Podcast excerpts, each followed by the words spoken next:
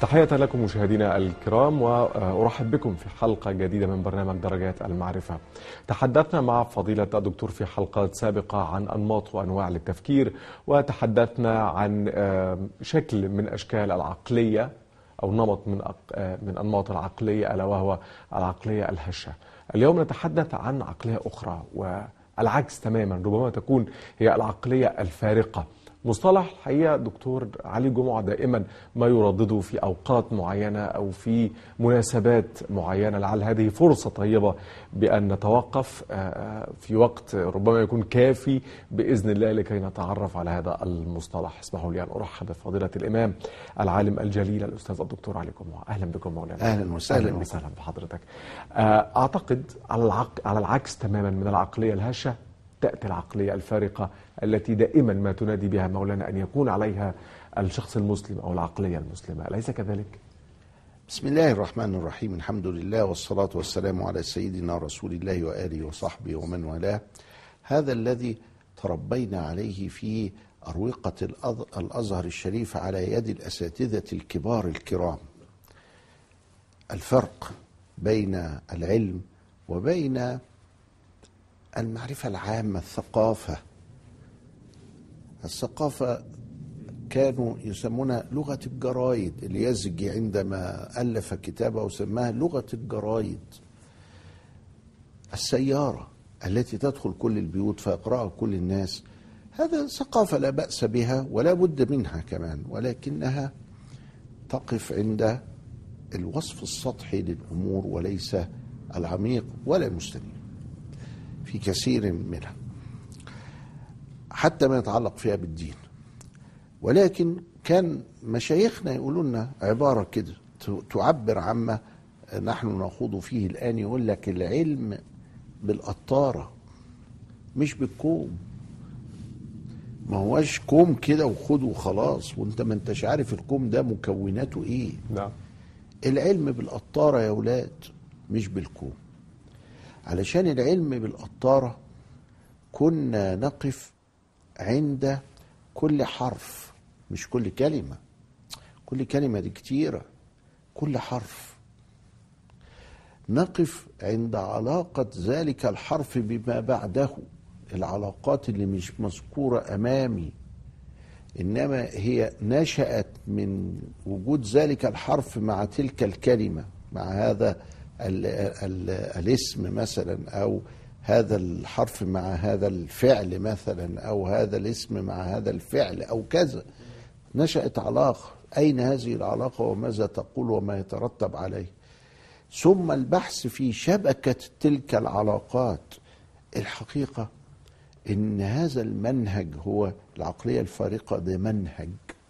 يجي يفرق لي ما بين ضرب يضرب ضربا. مش كل واحد لا مش واحد. دي ضرب دي فعل ماضي. والفعل الماضي هو حدث في الزمان السابق.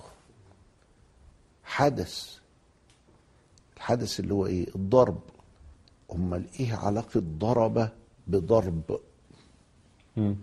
إنه إنه الحدث ده وقع في الزمان الماضي. يبقى ضرب دي تحتاج إلى ضارب فاعل ومضروب مفعول وحدث بينهم وهو الضرب. وأن يكون كل ذلك في الزمان الماضي. يبقى أربع عناصر بدل ما كانت ضرب دي كلمة واحدة أراها كده كيفما اتفق وقفني عندها وخرج لي منها الزمان وخرج لي منها الفاعل وخرج لي منها المفعول وخرج لي منها الحدث. ويقعد بقى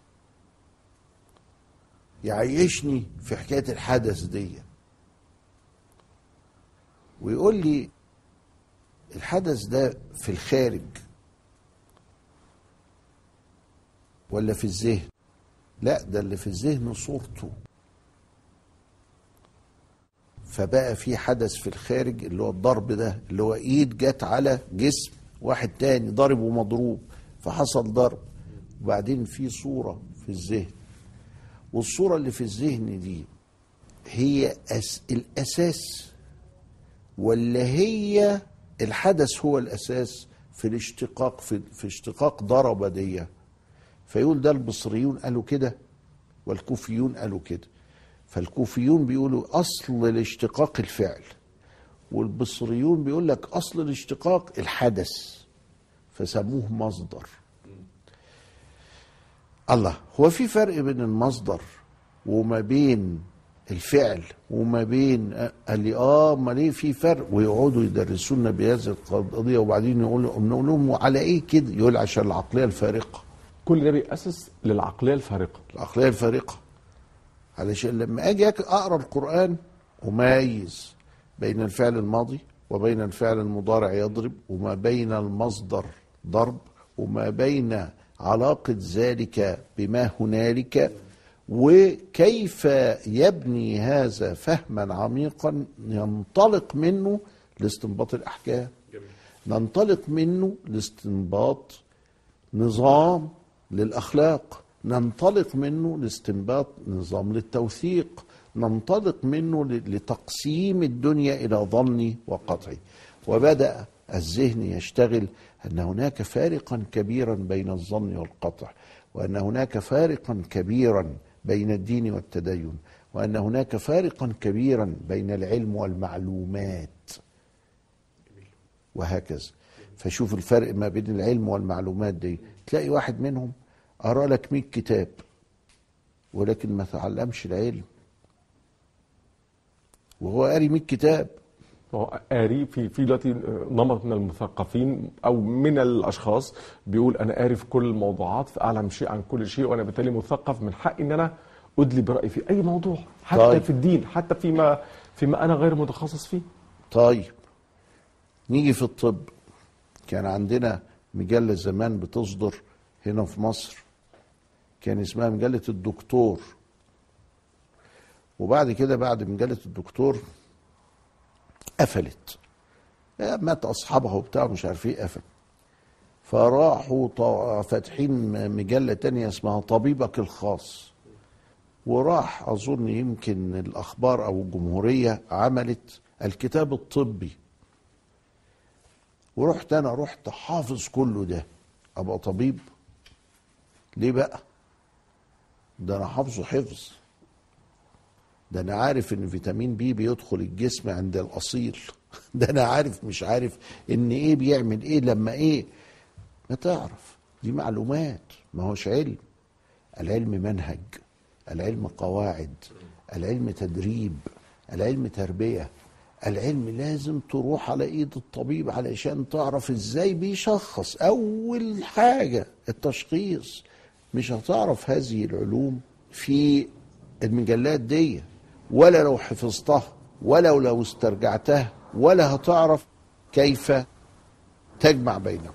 اذا هل العقلية الفارقة فضيلة الدكتور هي عقلية آه، فقط لأهل العلم ولاهل الاختصاص هم هي حكر عليهم؟ أم أنها من الممكن أن تكون عقلية تميز أي شخص مسلم على اختلاف مستوى التعليمي أو الثقافي هم درجات عند ربهم. هم درجات, درجات عند المعرفة. درجات المعرفة. لأن هناك من آه، آه، يفهم أن العقلية فا- فارقة فيقول لك إيه؟ ادي العيش لخبازين. طبعا. ويقول أهل التخصص فاروح للطبيب عايز هندسة أروح للمهندس وهكذا. بالرغم إن أنا أعرف أتعامل مع جسمي كويس قوي من ناحية الوقاية من الجراثيم النظافة اللي كذا إلى آخره. لكن ده قضية تانية غير قضية التطبيب. التطبيب ده له ترتيب وله آه، آه، نظام وله شبكة معلومات وله وهكذا. فإذا العقلية الفارقة. آه ما هو ممكن تكون موجودة عند كل واحد بدرجات مختلفة. أولها إنه يفهم إنه لازم يروح ويسأل أهل الذكر إذا كان لا يعلم. نعم. طيب ال- ال- المفترض إن ال- العقلية المسلمة أو الشخص المسلم ابتداء من الصغر وحتى الكبر هو يتعرض تقريبا لنفس المدخلات العقلية لنفس المؤثرات المعرفية من الكتاب من السنة من حتى طريقة التنشئة أو التربية والتعاليم ولكن نجد في مرحلة من المراحل أن هذا يتمتع بشخصية فارقة وهذا يتحول إلى شخصية هشة ما السبب في ذلك مولانا؟ إحنا عندنا منظومة التعليم هي الطالب والأستاذ والمنهج والكتاب والجو العلمي المحيط به ودرجاتها التربية والتعليم والتدريب. ولازم هذه الأمور تتم بهذه الكيفية. ولو حصل خلل في عنصر من العناصر كما لو كان الطالب لا يريد أن يكون طالبا أو صفاته ليست هي صفات الطالب المحترم المعتبر أو كان الأستاذ كذلك كان جاهلا مثلا بمادته أو كان غير محيط بطرق تربيته أو كان الكتاب مختلا أو المنهج مختل أو كان أي عنصر من هذه العناصر أو أي درجة من هذه الدرجات الثلاث يحدث هذا الخلل. على طول. فإحنا مشكلتنا في التعليم سواء كان هذه المشكلة في مثلا الأزهر أو في التعليم العالي أو في التعليم ما قبل الجامعي أو في التعليم العام كله فيه مشكلة إن هذه ال- ال- التراتيب قد ضربت وتتالى عليها الزمان في ضربها. ولذلك إحنا بنقول لا نهضة لنا ولا قوة لنا ولا حراك لنا إلا بالتعليم. وأمم كثيرة شيلي وكوريا وجنوب أفريقيا وأسبانيا اهتموا بالتعليم انتهى الأمر. خلاص يبقى أنا رتبت ال ال ال هذه المرتبات وعرفت وكل واحد هيعرف حقه وهيأبى إن هو يتدخل في غير تخصصه ولا يدعي المعرفة زي أبو العريف ده. طيب مسألة حضرتك ذكرت أن آه، أن البشر درجات أو العقليات درجات. كيف الإنسان العادي الذي لم يتعرض منذ نعومة أظافره لفكرة الارتقاء أو التأسيس حتى يكون عقلية فارقة ويريد أن يتطور أو يطور من عقليته؟ كيف مولانا يمكن للإنسان أن يطور من عقليته لكي يصبح من أصحاب هذه النوعية من العقليات الفارقة. لابد يكون له شيخ. لابد يكون له شيء اللي هو بنسميه الأستاذ. نعم. اللي هو بنسميه المربي المرشد سميه زي ما تسميه. ولكن لابد أن تنتقل المعارف وتتراكم. لو إن في واحد عايز يبص زي أديسون ما شاف البراد بتاع الشاي وهو كده فعرف إن البخار ليه قوة هنبدأ تاني وإحنا مشينا القا- القاطرات بالذرة وبالطاقة الشمسية وبكذا وكذا. ما هو لازم أشوف العلم آخرته إيه؟ الحاله اللي بيسموها إيه؟ الحالة الراهنة. وانطلق من الحالة الراهنة دي. لكن لو بدأت من الأول مش هوصل لحاجة. صحيح. آه؟ فهو لابد علينا من إن إحنا نتخذ أخي لن تنال العلم إلا بستة سأنبيك عن تأويلها ببيان ذكاء وحرص واجتهاد وبلغة وإرشاد أستاذ وطول زمان. شوف أهو إرشاد أستاذ ركن من أركان هذه هذا البناء للعقلية بدون هذا لا يمكن يطلع طبيب لا يمكن. وعلى فكرة لو ادعى الطب هيقبضوا عليه بموجب القانون المعتبر في العالم كله. إنك أنت بتمارس مهنة لم تجز فيها وليس لك فيها حتى لو نجحت. حتى لو نجحت. هيبقى ده حقه العقوبة وليس حقه المدح أو أو الإطراء. نعم. بارك الله فيكم مولانا. آه، أستاذ حاج نخرج لفاصل ونستكمل إن شاء الله معكم بعد الفاصل. أهلا بكم مرة أخرى. مولانا قبل الفاصل حضرتك تحدثت مشكورا عن العقلية الفارقة وتأسيس العقلية الفارقة. هل تبنى العقلية الفارقة فقط على المعلومات أم على العلم؟ وما الفرق بينهما؟ العقلية الفارقة هي حالة منهجية يستطيع بها الإنسان أن يميز بين المتشابهات. هذه المتشابهات ضربنا مثال فيها ونعود إليه مرة أخرى. بين العلم والمعلومات.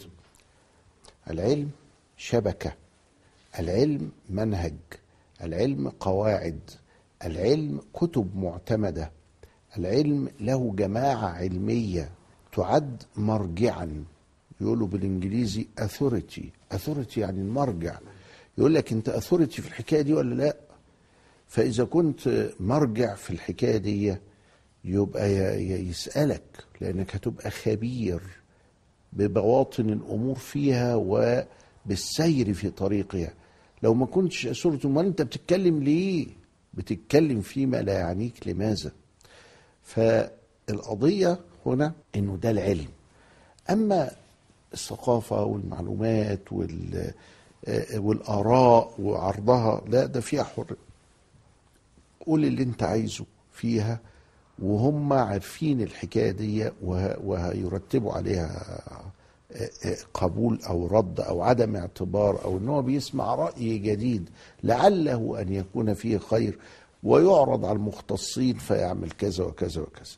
فتركين هذا لكن هذا ليس عمدة ليس معتمدا إنما هو موجود غير معتمد. أما ده فموجود ومعتمد. لا يمكن ابدا الطبيب يعني مثلا مرة واحد صحفي زعل قوي أنتوا ليه بتعملوا علبة الدواء فيها 30 حبة مثلا؟ وبعدين المريض بياخد منها 15 بس مش ده هدر؟ فردوا عليه بإنه ده ده ده عبال ما وصلنا لإنه دي تبقى 30 ده في قصة طويلة انت مش عارفها. قال طب مش كنتوا تقولوا؟ انت واخد بالك شوف الفرق بين الثقافة أو المعلومات وما بين العلم هم اللي يقولوا تعالى ادرس في كلية الصيدلة ال pharmacology وأسس ال pharmacology وتقسيمات الفارماكولوجي وأنت تعرف الحكاية دي وأنت كده وأنت بتتكلم إزاي ده مش هدر ده إن إحنا ما تتكلم بلاش معترضا إنما اتكلم سائلا مظبوط فاسألوا آه. أهل نعم. الذكر إن إن كنتم. تعلمون بلاش إنك أنت كل حاجة ما انتش عارفها. تتصدر وتيجي وتستنكر. وتستهجن. كده آه. آه طب وتستهجن. اسأل طب الأول. ما تسأل. أيوة. يبقى شوف ال ال آه، آه، العلم بيؤدي إلى اللي يسموه إيه؟ البروتوكول. ما ينفعش الشركة تؤاخذ قانونا. إذا عملت العملية دي تخسر تخسر آه، ماديا. تؤدي إلى أذية طبية. لكن بناء على القواعد المرسومة بالطريقة المرسومة أصبح هناك علم اسمه علم الصيدلة وهذا العلم هو اللي في مؤداه نحط في العلبة قد إيه أو ما نحطش في العلبة قد إيه أو نستعملها بعد فتحها لمدة قد إيه أو تاريخ الانتهاء إمتى هو وقد يكون لسه الفعالية فيها. لكن تاريخ الانتهاء ده معمول طبقا ل مش خسارة نرميه. لا مش خسارة. ده لازم ترميه بعد ما يتعدى تاريخ الانتهاء. والعرضة وكيفية ال- ال- التخزين وكيفية النقل وكيفية الاستعمال كل الحاجات دي محسوبة وكل الحاجات دي علم وليها علماء. فلما انت تيجي تعترض على معلومة يبقى انت بت ب ما انتش عندك عقلية فارقة بتفرق بين العلوم أو العلم والمعلومات. كذلك العقلية الفارقة بتفرق ما بين العام والخاص بتفرق بين القطعي والظني بتفرق بين الدين والتدين بتفرق ما بين النص ومفهوم النص. في فرق كبير بين النص وبين مفهوم النص. ساعات ناس يعترضوا على نصوص أيوه الفهم بتاعهم هو اللي فيه الاعتراض. أو عارف النص ومش عارف المقال بتاعه مش عارف الغرض بتاعه مش عارف علاقته مع النصوص التانية فبينكره أو مش داخل عقله زي ما بيقول. صحيح. لكن لو إنه سأل أهل الذكر بتاعت الحاجة دي يقوم يوضح له. يبقى أنا ينبغي بالعقلية الفارقة ألا أعترض وألا أهدم العلوم بقدر ما يجب علي أن أسأل وأستفسر عن كل ما يشكل عندي وكل ما يثور في ذهني حتى تزول هذه ال- الصورة القاصرة أو الصورة المشوهة أو الصورة الخاطئة التي قامت في ذهني. يبقى دي العقلية الفارقة وتأسيسها في النهاية بيؤدي إلى فعلا الفرق بين العلم وبين المعلومات. طب في بعض الأشخاص يا مولانا بيحاولوا إن هم آه، بيبنوا عقلياتهم أو بيبنوا ثقافتهم على فقط التراكم المعلوماتي دون أن يحصلوا علما واحدا بشكله بشكله الأكاديمي أو بشكله المتعارف عليه. فإذا هل من الممكن أن هذا آه، هذا التراكم المعلوماتي ممكن في النهاية أن يحل محل العلم ومحل التخصص والدراسة والدراية التامة بكل التفاصيل؟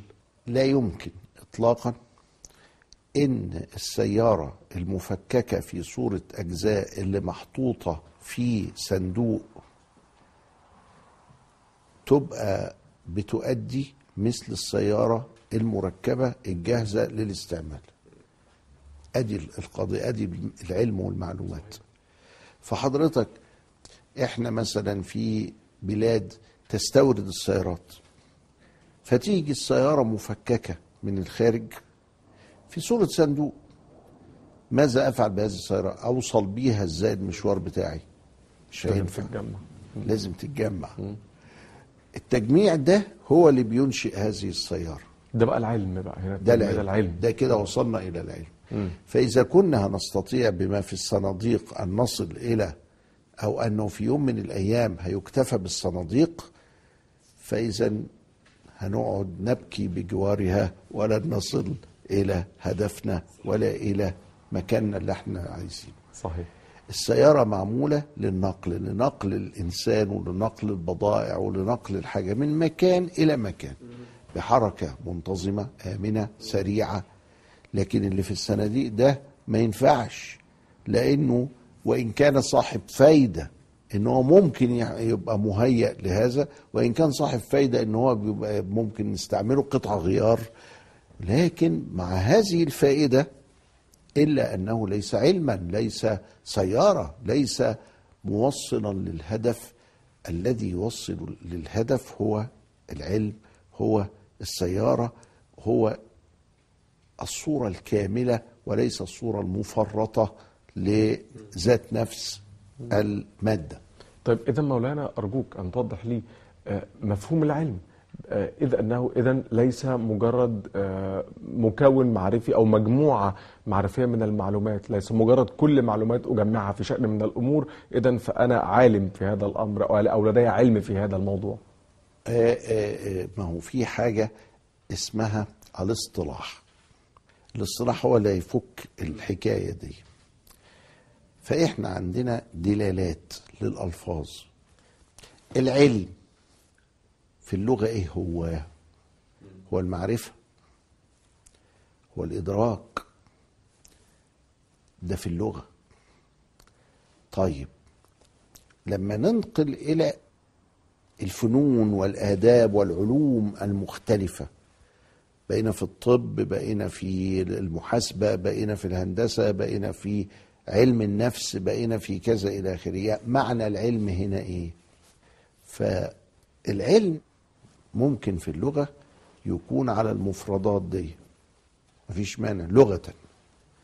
لكن اصطلاحا اصطلاحا ده لابد أن يكون هيكلا و و و وشبكة من القواعد والمناهج والمآلات و- والمصطلحات والكتب المعتمدة والجماعة العلمية إلى آخره. يبقى العلم هنا غير العلم هنا. فلما أجي بقى ألعب اللعبة دي وأتكلم بالكلام اللغوي في الكلام الاصطلاحي يبقى لخبطة. كلمة الصلاة يعني إيه؟ في اللغة يعني الصلاة هي الصلة العلاقة. العلاقة بين اتنين. والعلاقة بين اتنين دي غير إنه أكبر وأقرأ وأركع وأقوم وأسجد وأعبد ربنا كده أقم الصلاة. فيجي واحد يستعبط. وعمل الكده الباطنية. قال لك الصلاة هو إيه؟ هو حاجة صلة بين اتنين. طب أنا بيني وبين ربنا عمار. وما يصليش الظهر ولا العصر. بيلعب. ما بين المعنى اللغوي والمعنى الاصطلاحي. هيضيع الدين ويضيع الدنيا معا. في معاني كده في حاجة اسمها دلالة الألفاظ. المعنى اللغوي حاجة لكن المعنى الاصطلاحي حاجة تانية وإن كان له بينه صلة في صلة ما بين المعلومات وبين العلم. لكن مع هذه الصلة إلا إن ده مش ده. وده اللعب اللي هم طول النهار قاعدين يلعبوا بيه اللي هو قضية المصطلحات. هو في الحقيقة جاي من التفلت. هو عايز يتفلت وعايز يقول ويعتبر نفسه إن هو يقول في كل شيء وبيعتبر نفسه إن هذا ليس من قبيل العلم. لا هو من قبيل العلم وكل جانب من هذه الجوانب آه، آه، فيها علم وربنا يشير إلى ذلك. ويقول هل يستوي الذين يعلمون والذين لا يعلمون؟ ربنا في القرآن بقى يتكلم عن العلم المستنير العلم الذي يؤول في النهاية إلى ضراعة القلب لله سبحانه وتعالى. بارك الله فيكم مولانا. شكرا. جزيلا لحضرتك. مرحبا. شكر موصول لحضراتكم. إلى اللقاء.